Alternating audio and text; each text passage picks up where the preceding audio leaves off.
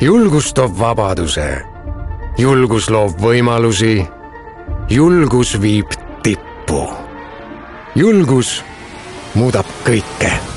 nelja äriklassi istmega sportauto Porsche Panamera.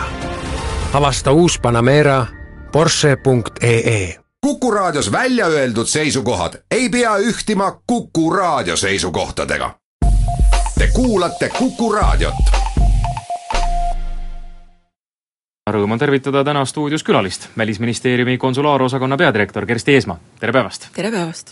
täna Välisministeerium tegi ülevaate sellest, milline on olnud konsulaaraasta eelmisel aastal, aastal kaks tuhat kuusteist. Kersti, kui püüad kuidagi väga üldistavalt kokku võtta, siis kuidas hinnata eelmist aastat, kui kui hea või kui halb see aasta, konsulaaraasta on olnud aastal kaks tuhat kuusteist? ma ütleks, et ta oli selline vastuoluline aasta, et ühes mõttes oli väga hea, sest konsulaarabitoimingute välismaal, konsulaarabitoimingute maht välismaal kahanes viiendiku võrra ehk kakskümmend protsenti.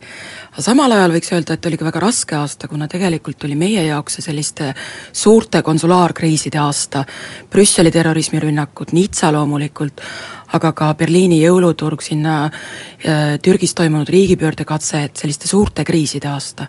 No siit on hea otsa küsida, kas inimesed julgevad ikka reisida, et mida teie numbrid näitavad, eestlased julgevad pärast kõike seda välismaale minna? eestlased ikka julgevad, ma just vaatasin üle ka Eesti Panga statistika, et mis avaldati eelmine nädal, et äh, eestlaste välisreiside arv on kolm ja pool miljonit aastas. ta näitab küll natuke vähenemist võrreldes aasta varasemaga, kaks protsenti, aga ma julgeks öelda, et eestlased siiski julgevad reisida. seda enam on põhjust rääkida sellest, mida peaks ikkagi silmas pidama, mida tegema enne, kui sa hakkad reisile minema. välisministeeriumil konsulaarosakonnal on väga konkreetsed soovitused alati ju selleks, mis need on? kõige esimene asi on see, et äh, noh, nagu ma ütlen, et vaadake passi ja mitte mõttes, et kas te olete õiges vanuses, aga just, et kas see pass, kas te üldse teate, kus see pass teil on, et päris paljud inimesed ei tea, kus nende pass on, kuna me ei kasuta seda igapäevaselt.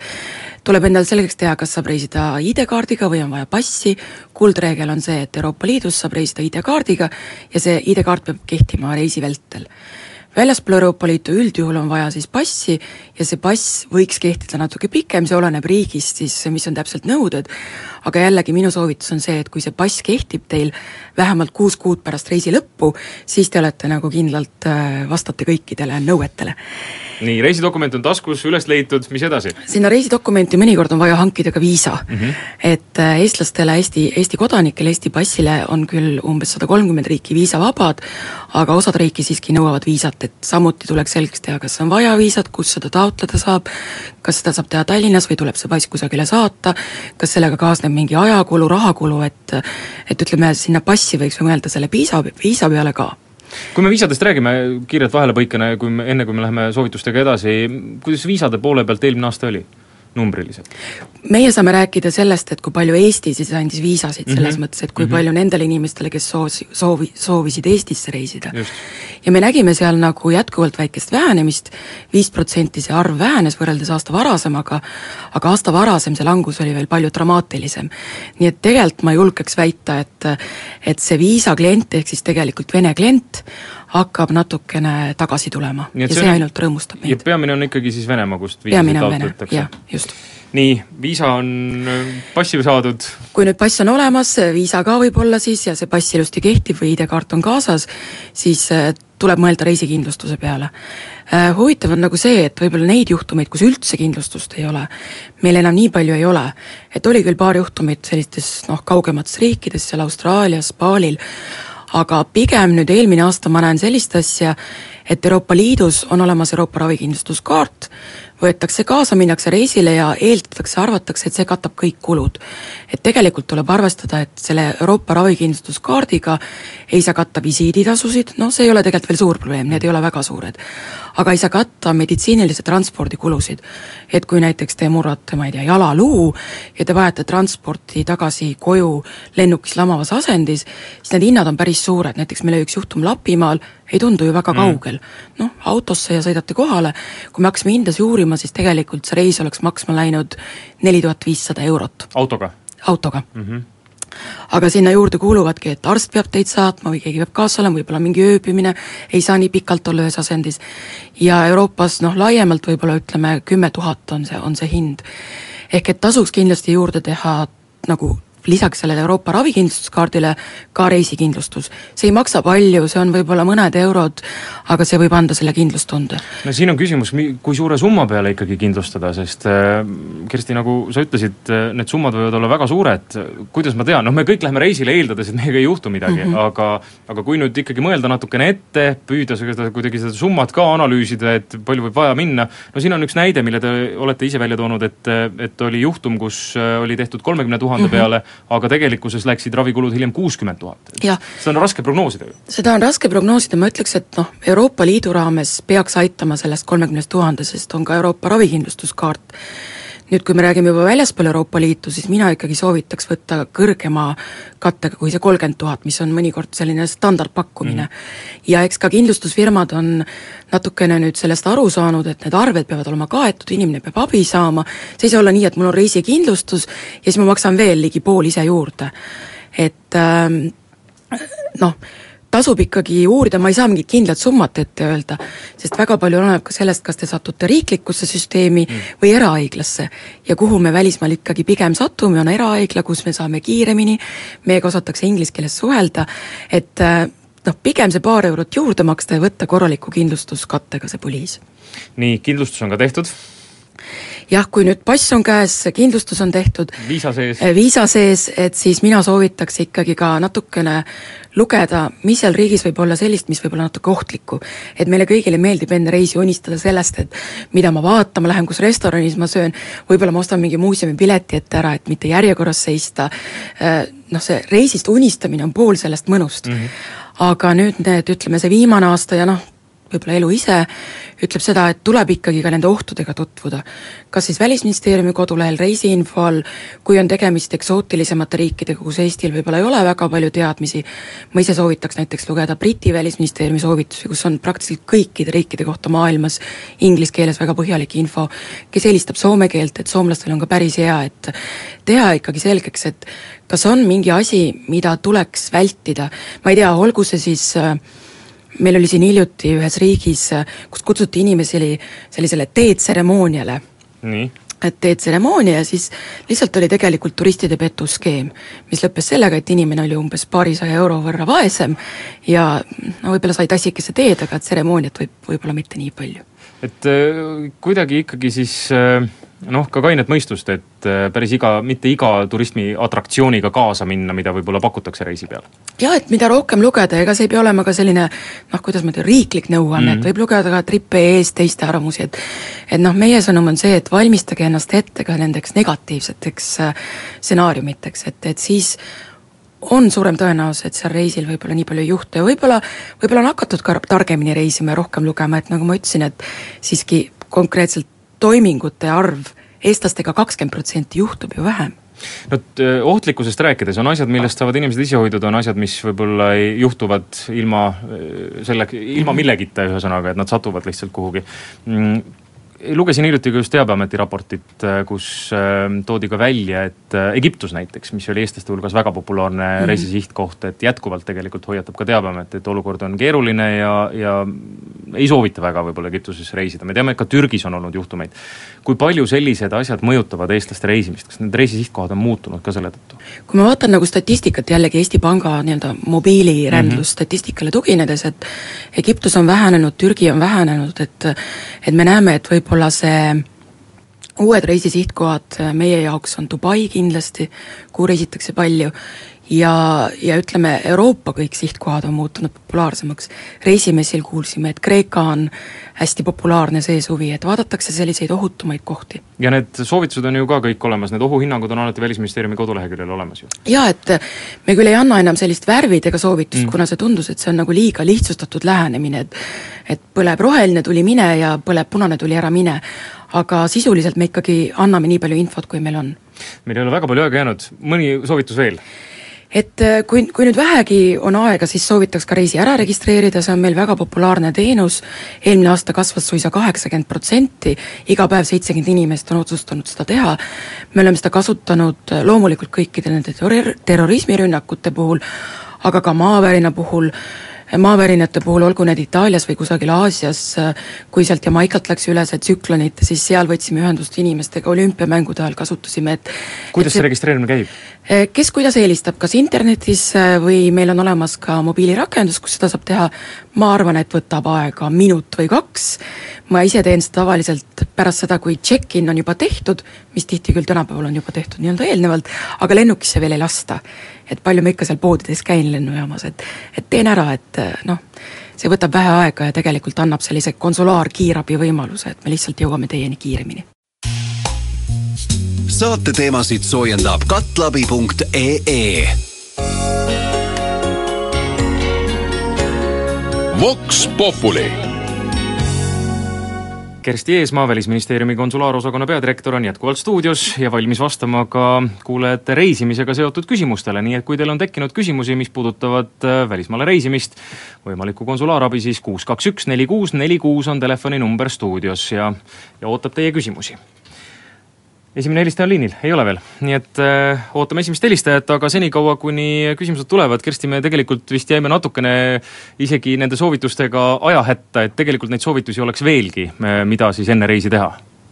no võib-olla noh, üks soovitus, mida tihti meilt ka küsitakse, on, et kuidas on lastega reisimine, kui laps on teise perekonnanimega või, või mingid muud kärgperelised teemad, et et äh, tasub välja võtta siis endale ingliskeelne väljavõte rehv-, rahvastikuregistrist, kus on näha, kes on lapse vanemad, ja võiks ka võtta mõlema vanema nõusoleku.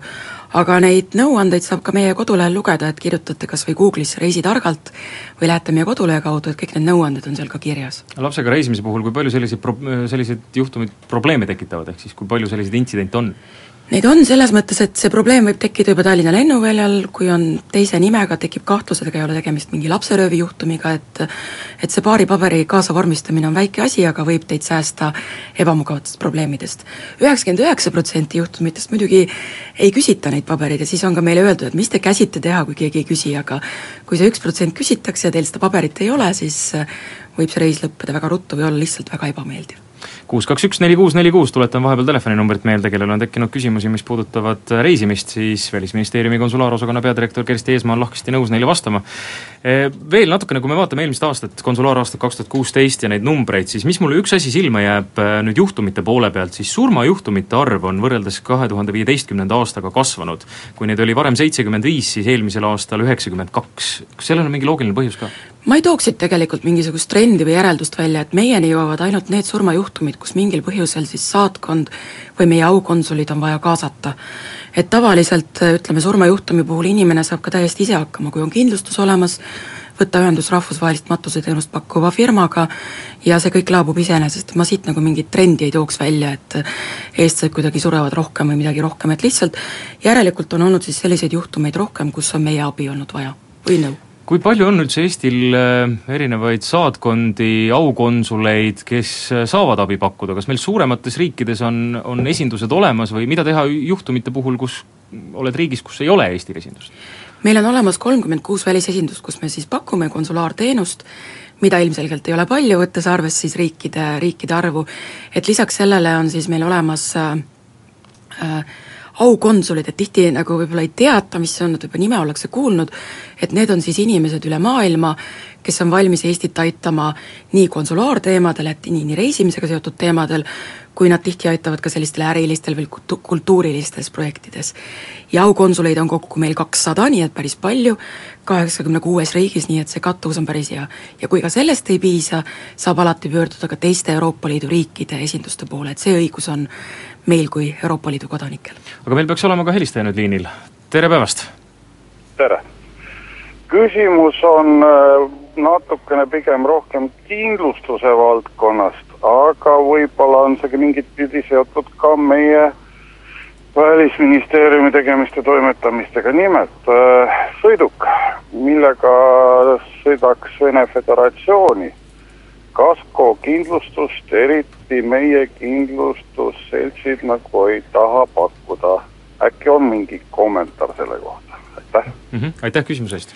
Ega siin ma muud nõu ei oskagi anda, kui ikkagi tuleb pöörduda kindlustusfirmade poole, vaadata, mis tingimustel, milliseid poliise nad on nõus pakkuma, et, et mingit muud imeravimit siin ei ole, et noh, ei saa ka soovitada, et mitte autoga reisida kindlasti, et lihtsalt tuleb, tuleb leida see võimalikult sobiv poliis siis selle jaoks kuus, kaks, üks, neli, kuus, neli, kuus ootab järgmist telefonikõnet, mis puudutab reisimist välisriikidesse.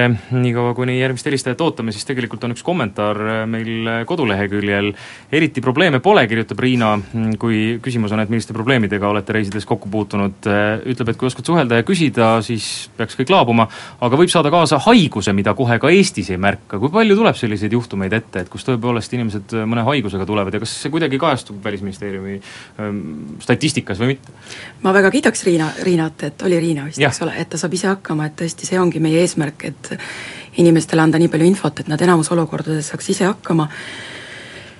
Mis puudutab nüüd seda, et mingi probleem jätkub Eestis, kas mm -hmm. see on siis mingi haigus või on, või on reisil midagi juhtunud sellist, mis nõuab ka Eestis sekkumist või mingi ütleme ka mingi lastega seotud teemad, mingid hooldusõigusega seotud teemad, et et kui on nüüd juba Eestisse jõudnud see juhtum, siis meie anname selle juhtumi Eestis üle siis pädevale asutusele, olgu siis kas mingi raviasutus või Sotsiaalministeerium, et päris sellist statistikat ei ole, et tuleb lihtsalt teadlik olla sellest, millised need haigused seal regioonis võivad olla ja oma tervist pärast siis väga jälgida, et haigustega paraku on selline lugu, et ega nad kohe ei pruugi ennast ju välja lüüa.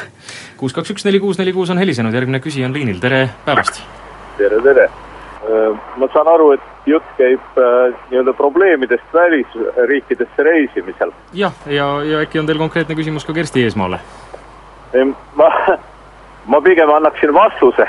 asi on nimelt selles, et nii uskumatu, kui see ka ei tundu, aga praegu tundub, et üks kõige ohutumaid ja sealjuures ka odavamaid riike, kuhu reisida, on Ukraina inspireeritud on mu selline nii-öelda vastus sellest, et just praegu oli jutt, et Venemaale reisimisel isegi autosid ei saa normaalselt kindlustada, noh, see meie Venemaaga suhete rikutuse aste kahtlemata on, on ma ütleks lausa ainulaadne, aga noh, eks see läheb ka ükskord üle.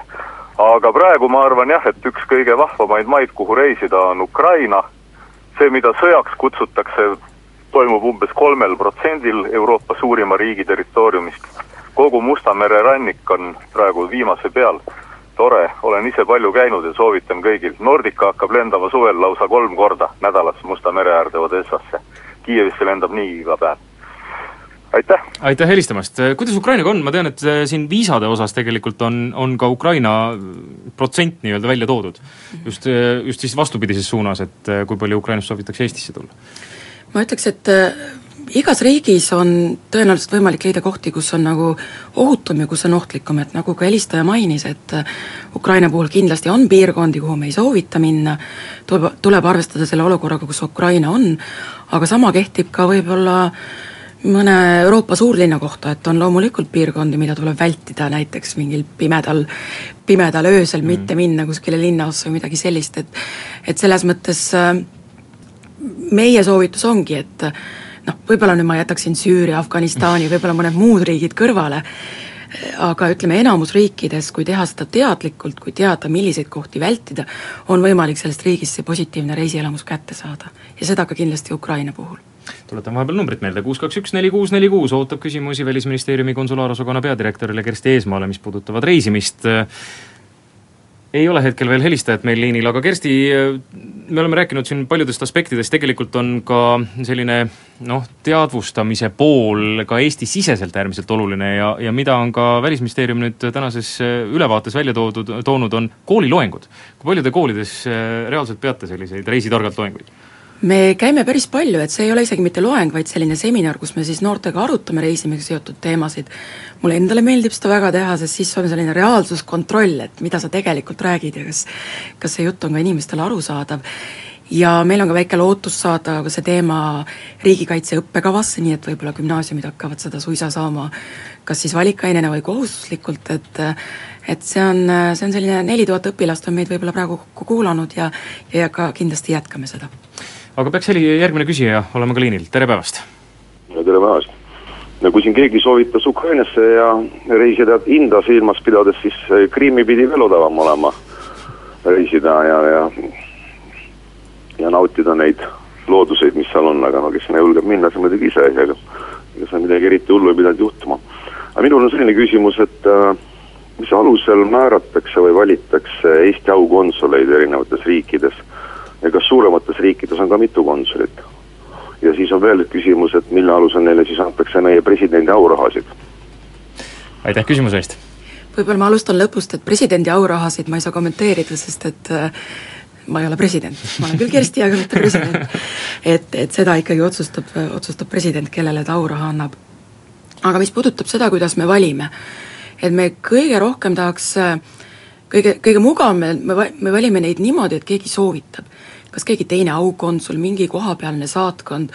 Ja siis äh, päris niimoodi, et tere, minu nimi on ma ei tea, Kristjan, ma tahaks olla aukonsul, et et need emailid tavaliselt ei ole kõige tõsiseltvõetavad Äh, kui nüüd see soovitus on tulnud, siis me vaatame, mis on selle inimese selline äriline taust, kas ta on kas ta on nii-öelda iga, ühiskonnas igati väärikas, siis ta käib Välisministeeriumis sellisel intervjuuvoorul, kus ta räägib nii poliitikaosakonnaga kui ka kindlasti muidugi konsulaarosakonnaga, kohtub äh, nii-öelda äripoolega, et me vaatame siis, äh, kus on tema selline ampluaa, et kas ta pigem on selline ärisuhete arendaja, kas ta pigem on kultuurisuhete, teadussuhete, haridussuhete, aga iga aukonsuli puhul, kõigi kahesaja puhul on nagu selge see, et nad peavad tagama selle konsulaarteenuse. et näiteks vähemalt, kui teil kaob ära reisidokument, siis te saate reisidokumendi, asendusdokumendi selle aukonsuli juurest. ja tõesti äh,, nagu ma ütlesin, et meil on kakssada aukonsulit ja kaheksakümne kuues riigis, mis juba matemaatiliselt näitab, et et äh, nii mõningates riikides on neid aukonsuleid rohkem kui üks, ehk et kui te kaotate ära reisidokumendi näiteks Milanos, siis te ei pea sõitma meie äh, saatkonda Roomas, vaid te saate seal kohapeal selle ja noh, see puudut-, see on ka sama teiste riikide kohta. järgmine küsija peaks, küsija peaks olema ka liinil, kuus kaks üks neli kuus neli kuus on helisenud, tere päevast! tere päevast! mul küsimus teie külalisele. kas äh, Seychellidele reisimisel võiks ka mingeid ohte ette näha või? aitäh küsimuse eest, väga konkreetne kui hästi, Kersti, sa oled Seychellidega kursis? ma ei ole Seychellidel käinud, eks ole, aga ma, mul nagu ma päris nüüd ei suuda meenutada, kas meil on seal ka midagi spetsiifilist, et vaadake kindlasti Välisministeeriumi kodulehele, kus te saate vaadata, aga ma esimese hooga ütleks, et mulle ei meenu, et me oleks Seychellidel nüüd millegi konkreetse eest hoiatanud, et nagu ma ka ennem ütlesin, nende eksootilisemate riikide puhul äh, ütleme, kui on mingi tunne, et äkki ma ikkagi veel tahan tutvuda, et et kui te nüüd vähegi inglise keelt loete, et vaadake näiteks Briti, Briti soovitused üle, et aga nii palju, kui ma tean, ilm on ilus. Ja inimesed on sõbralikud, nii et, et see on kindlasti pigem reisi, reisile positiivset mõju andev. järgmine helistaja on ka liinil, tere päevast!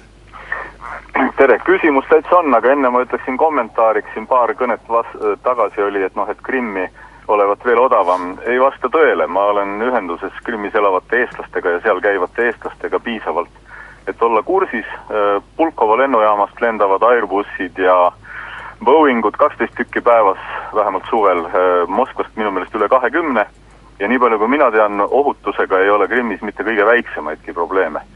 kui võib-olla äkki ehk siis Sevastoopoli sõjasadamas, aga ma ei usu isegi seda hästi nii et see selleks, aga nüüd on küsimus, et äh, aukonsuleid olla meil kaheksakümne kuues riigis, sain ma õigesti aru?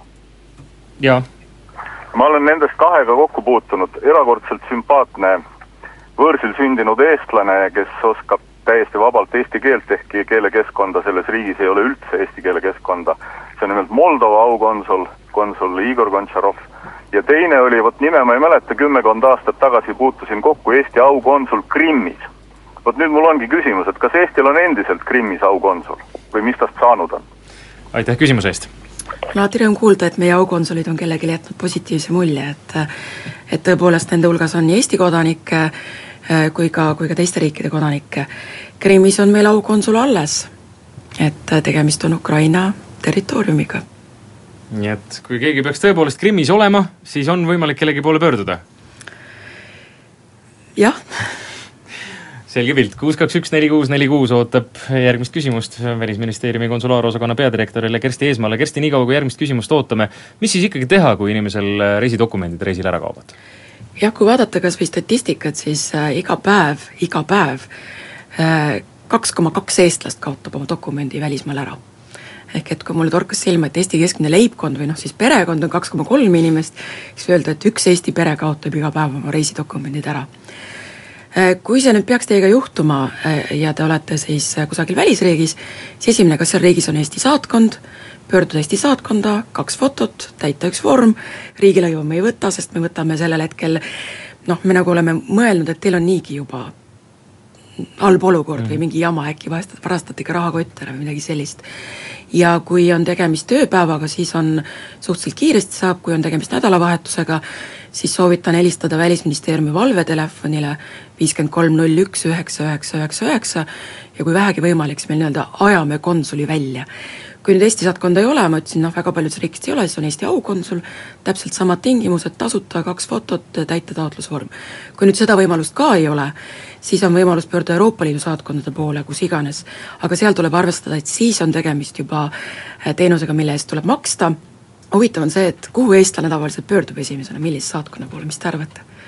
kui, kui ei ole Eesti saatkonda? Ma arvan, et Soome Just, saatkonna poole tõenäoliselt, see on täpselt jah? õige vastus, aga kahjuks selles mõttes on see vale vastus, et soomlastel on see dokument kõige kallim mm.. peaaegu sada seitsekümmend eurot, et selles mõttes pigem mu soovitus on, et kui nüüd ei ole Eesti saatkonda või ei ole ka Eesti aukonsulit, siis helistage meile sama telefoni, mis ma mainisin, mis on olemas ka igal pool kodulehel ja siis me hakkame otsima, et kes teid siis saaks seal aidata. kuus, kaks, üks, neli, kuus, neli, kuus on helisenud, tere päevast! Kahjuks on helistaja juba liinilt kadunud, aga proovige uuesti, kuus, kaks, üks, neli, kuus, neli, kuus, ootame küsimusi Välisministeeriumi konsulaarosakonna peadirektorile Kersti Eesmaale, mis puudutavad siis reisimist. dokumentidest oli juttu, aga meil on vahepeal järgmine helistaja juba liinil, tere päevast! tere päevast! oota, kes, kuidas see ametinimetus oli, konsulaarosakonna juhataja või? täpselt nii kuidas saate nii lolli juttu ajada, et Krimm on Ukraina territoorium? selge, aitäh helistamast, see nüüd otseselt ei puutu küll ju meie tänastesse küsimustesse, mis puudutavad reisimist, aga ootame järgmist küsijat mm, küsimustele, mis siis reisimist puudutavad, Välisministeeriumi konsulaarosakonna peadirektor Kersti Eesmaa on valmis lahkelt ka vastama. Ühesõnaga reisidokumentidest, eh, kui oli juttu kaotamisest, Kersti, sa mainisid ka, et eh, võib ka vargusohvriks langeda, palju on inimesed eelmisel aastal selliste kuritegude ohvriks langenud? me päris sellist statistikat ei pea, et kas see reisidokument nüüd ununes kusagile mm. rannaliivale või ta varastati ära, et nagu ma ütlesin, iga päev kaks inimest mm. umbes vajab seda, vaadates nagu ütleme, lugedes neid juhtumeid, siis noh, päris tihti on ikka tegemist pigem vargusega kui sellega, et see lihtsalt ununeb kusagile äh, nii-öelda kohvikusse või kusagile mujale, et pigem ikkagi käekoti vargus, kotijooks või nii-öelda klassikaline mm. -hmm. aga järgmine helistaja liinil, tere päevast! tere päevast, tahtsin küsida, et kas äh, koduleheküljele on raske panna need maad, äh, mis ikkagi vajavad viisat eest, eestlase jaoks? Äh, ja, ja kus koha pealt siis seda viisat saada ja mismoodi, et minu arvates see on päris puudujääk, et, et ma pean minema Soome välisministeeriumi leheküljele või, või, või Ühendriikide või sinna Ühendkuningriikide kätte teadma, mul oli näiteks jama, ehm, kui ma jõudsin üle Moskva juba Hanoisse, siis selgus, et eestlasel on ikkagi viisat tarvis, soomlasel ei ole vaja. et, et minu palve lihtsalt oleks, et kas ei saaks kodulehte ikka nii palju täiendada, et need ehm, viisa saamine esiteks vajadus ja kui on vaja, kus koha pealt saab ja kui palju maksab, aitäh aitäh kommentaari ja küsimuse eest! Eh, meil on olemas kodulehel nimekiri riikidest, kuhu viisat ei ole vaja. ja tegelikult, kui te võtate ka konkreetse riigi ja vaatate, siis seal all üldjuhul on meil olemas ka info, et Välisministeeriumile teadaolevalt näiteks siis sellesse riiki on vaja viisat ja seda saab taotleda siis sealt ja sealt ja antud need kontaktid. milles on probleem, võtame mingisuguse riigi, Kurunurru-Vuti saared näiteks, mulle alati meeldib niisugust näidet tuua, et äh, meie ei saa tagada, et kui näiteks see Kurunurru vutisaared otsustab oma viisapoliitikat muuta, näiteks nad äh, kehtestavad viisa või, või muudavad mingil muul moel või tõstavad viisalõivu, noh, nad võiks meid teavitada, see oleks väga tore, aga tegelikult päris palju on neid juhtumeid, kui nad ei teavita meid absoluutselt seega, kui me näiteks ütleme, et jah, Kurunurru Vutisaarel, et saate viisa vabalt ja inimene lähtub sellest informatsioonist, mida Välisministeerium on öelnud, ja siis tegelikult selgub tal lennujaama minnes juba, et et viisat ei ole, lennukile ei saa, siis äh, ei ole see ka nagu õige, et seetõttu meie esimene soovitus on alati vaadata siis tõesti antud riigi kas Välisministeeriumi või, või, või, või saatkonna poole pöörduda, me oleme andnud loomulikult nimekirja nendest, mis on noh, ilmselgelt viisavabad Euroopa Liidu riigid, kõik info, mis meil vähegi teada on, aga me ei saa tagada, et sada protsenti on alati tõene, sest teised riigid võivad muuta seda viisarežiimi nii, ilma et nad meid teavitaks. me jõuame äkki ühe küsimuse veel võtta, kui on kiire helistaja, kuus kaks üks neli kuus neli kuus ongi helisenud, tere päevast! tervist! et mul üks selline näide tema kohta, et äh, Barcelonas varastati inimesele ära dokumendid, äh, helistas Välisministeeriumi, äh, ametnik ei küsinud, kas on elukoht olemas, kas on raha olemas, kas on vaja piletit kojusõiduks ähm,, absoluutselt ühtegi sellist küsimust, soovitati ainult pöörduda kuskile Euroopa Liidu saatkonda, sest et konsul oli kuskil ära sellel päeval ja lubati ka tagasi helistada, ei helistatud, et lõpuks aeti see asi siin kohapeal äh, tuttavate kaudu korda, inimene sai koju, et kas võiks tagada, et kuidagi ametnikud suhtuksid nagu normaalsemalt, aitäh. aitäh helistamast, kiire kommentaar. No me kindlasti alati proovime, et ma tõesti vabandan, kui nüüd, kui nüüd jäi meie poolt tagasi helistamata, et Barcelonas äh, on tõesti neid käekotivargusi väga palju. Ma eeldan, et see kõne võis olla siis näiteks väljaspoolt tööaega äkki, ja kui nüüd aukonsul näiteks ei, Barcelonas meil on küll aukonsul, aga kui ta ei viibi seal piirkonnas, siis see soovitus pöörduda Euroopa Liidu saatkonda poole on väga asjakohane, et äh, me tavaliselt, ütleme, kui inimene helistab meile, et ta on kaotanud dokumendi, olenemata sellest, kus ta on, et me päris sellist nagu ülekuulamist ei tee, et et mis teil veel on, kas teil on veel midagi vaja, et me ikkagi eeldame, et kui inimesel on siis mingi muu mure veel, siis, siis ta ise sellest räägib. Aga, aga loomulikult, et üritame, üritame alati oma kvaliteeti parandada nende, nende telefonikõnede ja ka muude, muude suhtlemistega